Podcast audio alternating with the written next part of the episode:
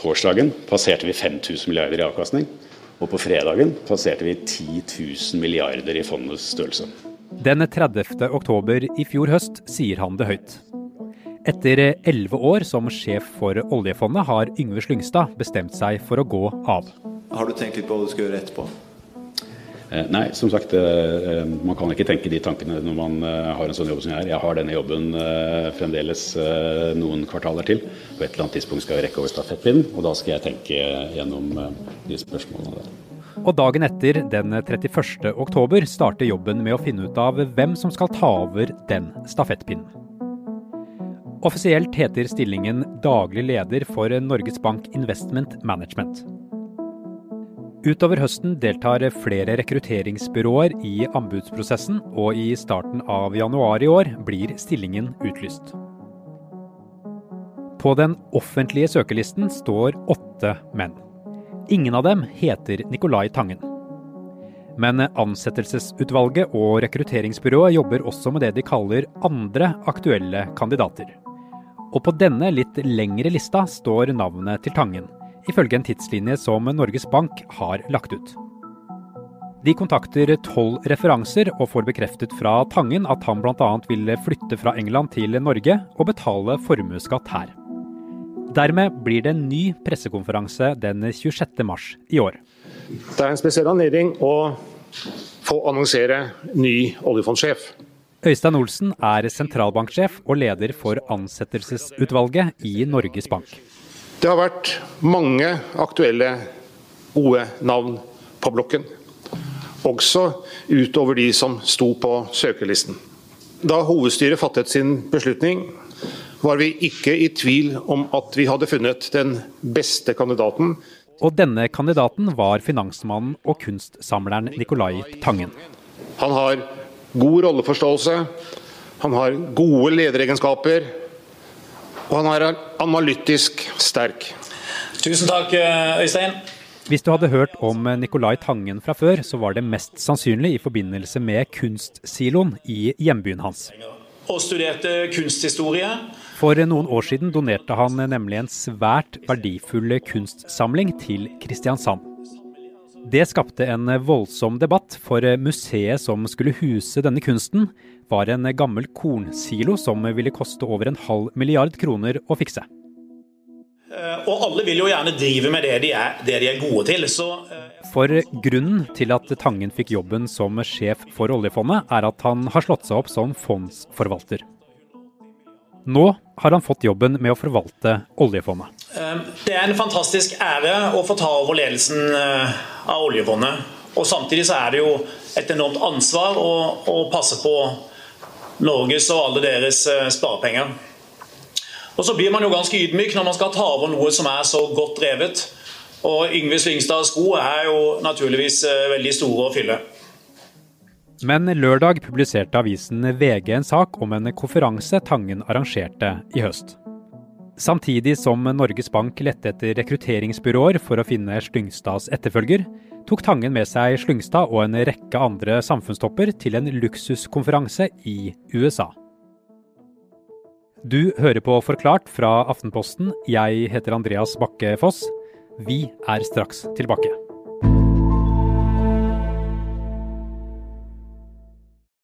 Den 14. november i fjor gikk det et chartret fly fra Oslo til Philadelphia i USA. Hele kabinen var innredet som business class, sier de som var med til VG.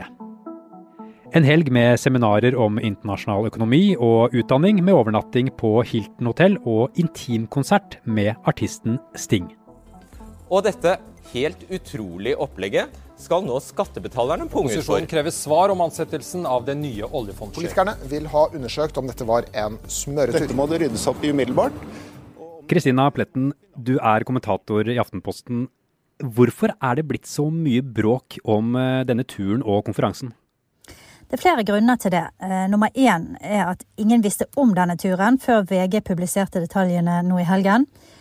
Eh, og en av grunnene til at ingen visste noe, det var at alle som var med, hadde fått beskjed om ikke snakke om det, ikke dele bilder, ikke dele noe informasjon på sosiale medier. Og næringsminister Torbjørn Røe Isaksen, som deltok, han hadde heller ikke ført opp på sin kalender, selv om det var derfor han egentlig dro til USA.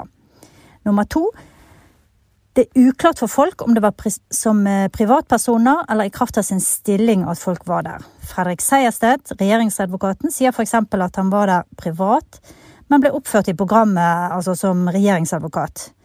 Noen sier at de var der som begge deler. Isaksen og Slyngstad sier de var der på jobb, osv. Og, og nummer tre, det var et utrolig overdådig opplegg med konserter med toppmusikere, altså inkludert Sting, som vi alle vet nå, til ni millioner kroner. Det var flotte måltider, og det var ubegrenset med alkohol. Og det var et utrolig fancy privatfly frem og tilbake, og helgen den varte helt fra torsdag til søndag. Du har allerede nevnt eh, regjeringsadvokat Fredrik Sejersted og arbeidsminister Torbjørn Røe Isaksen, Kristina. Men hvem var det egentlig som var med på denne turen? Det kanskje viktigste utenom de to er jo oljefondsjef Yngve Slyngstad. Og så hadde de også med seg eh, han som var sjef for oljefondet før Slyngstad, som heter Knut Kjær. Eh, og så hadde Tangen invitert eh, en ungdomskompis, eh, Henrik Syse, som er filosof, og som har vært rådgiver for oljefondet, og som også har vært betalt styremedlem i Tangens selskaper på Cayman Islands. Og så var også vår toppsjef i Skipsted, som eier Aftenposten, Kristin Skogen Lund med, og en lang rekke andre samfunnstopper fra Norge. Flere av dem som var med, har i løpet av den siste uka sagt at de vil betale tilbake noe av det de fikk spandert. Det gjelder f.eks. arbeidsminister Torbjørn Røe Isaksen fra Høyre, som var næringsminister da han deltok på konferansen i Philadelphia.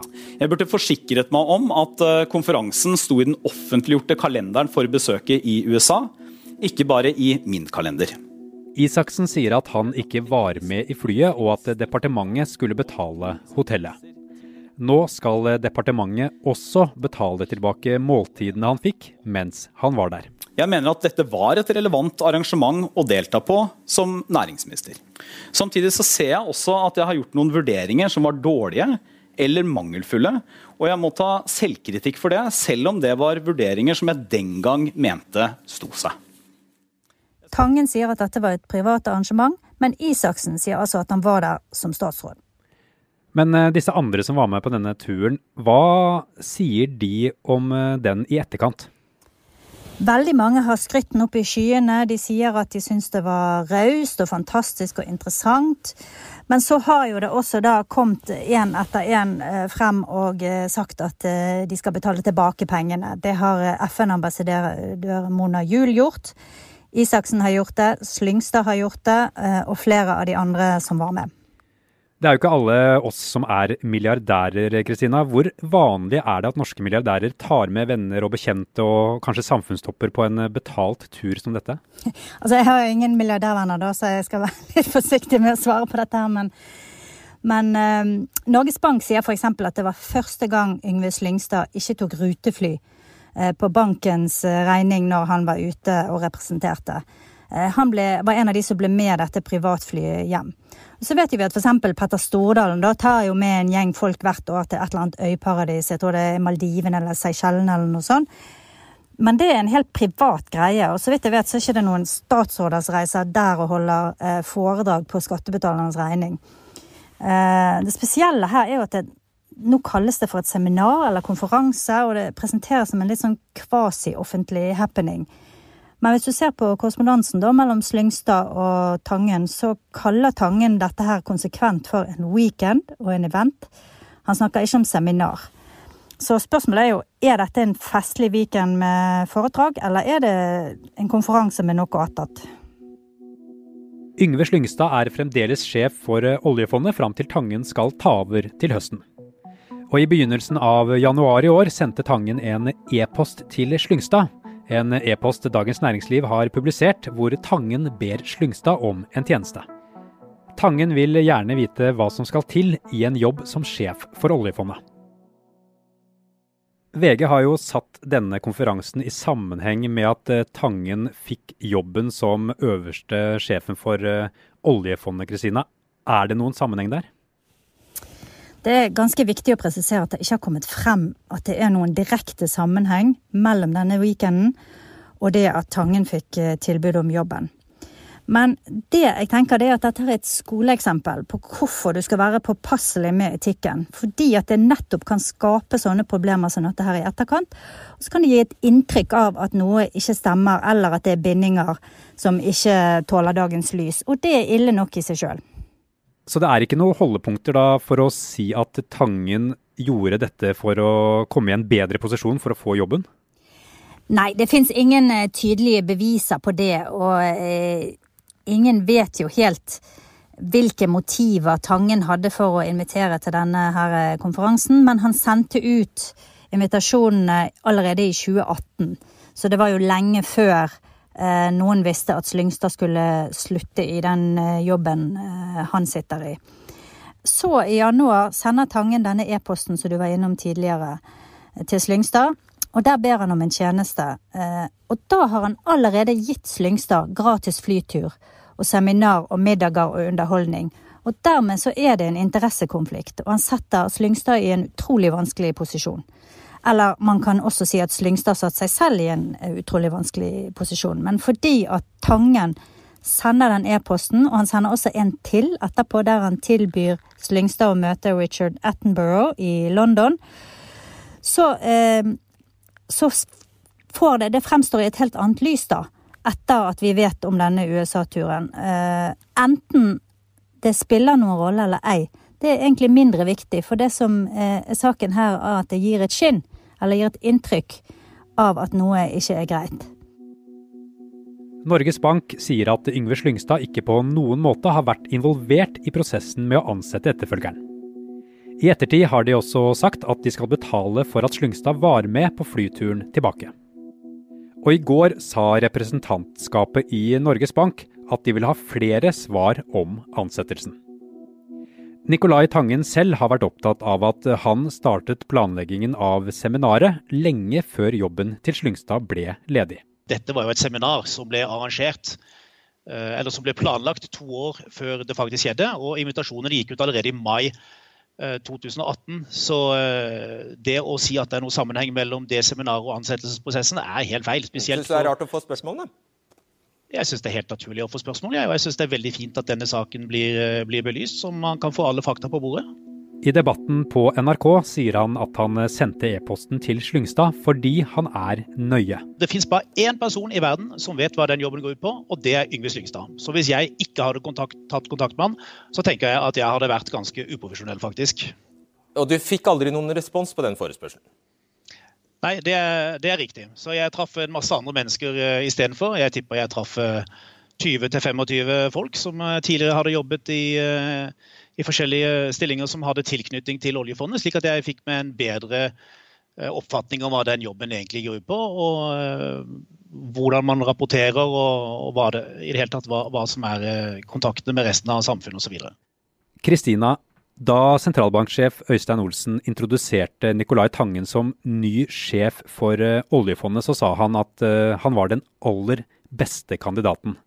Men hva slags kandidat er den beste for uh, oljefondet? Er det noen som kan tjene store penger, eller er det noen som ikke har bindinger til maktpersoner? Ja, så Dette er jo en stor diskusjon nå. Argumentene for Tangen har jo vært at han har en veldig god innsikt i hvordan kapitalmarkedene fungerer, at han har hatt stor suksess med fondet sitt. Eh, mens argumentene mot ham vil jo være det at han bl.a. har eh, brukt skatteparadiser veldig aktivt eh, til å tjene disse pengene og forvalte disse pengene, og fortsatt har penger stående der.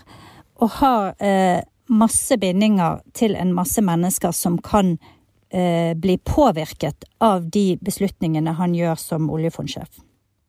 Hva er det som egentlig er problemet her? Er det at Tangen arrangerte en eh, konferanse, eller er det at eh, så mange mennesker med makt i det norske samfunnet lot seg påspandere og rive med? Jeg tenker at hele greien nå ser ut som et problem. Eh, det største problemet med, med den konferansen eller seminaret, eller hva vi skal kalle det, som Tangen arrangerte, er at det ikke var tydelige linjer på om dette her var en privat fest eller en slags uh, offentlig konferanse. Eh, det har skapt kjempestore problemer for mange, og det skaper også problemer for eh, Tangen i etterkant. Så syns jeg også at det er trøblete at ikke Tangen ser at uh, denne her rolleblandingen er uheldig. Og at uh, de henvendelsene han har gjort til uh, Slyngstad i etterkant, er uheldig. Og, og, det handler jo om at det å være en, i en sånn statlig stilling da, som en oljefondsjef er, er noe veldig annerledes enn å være en en eh, hedgefondforvalter eller sjef som på en måte skal eh, drive med den type halvoffentlig, halvprivat eh, networking.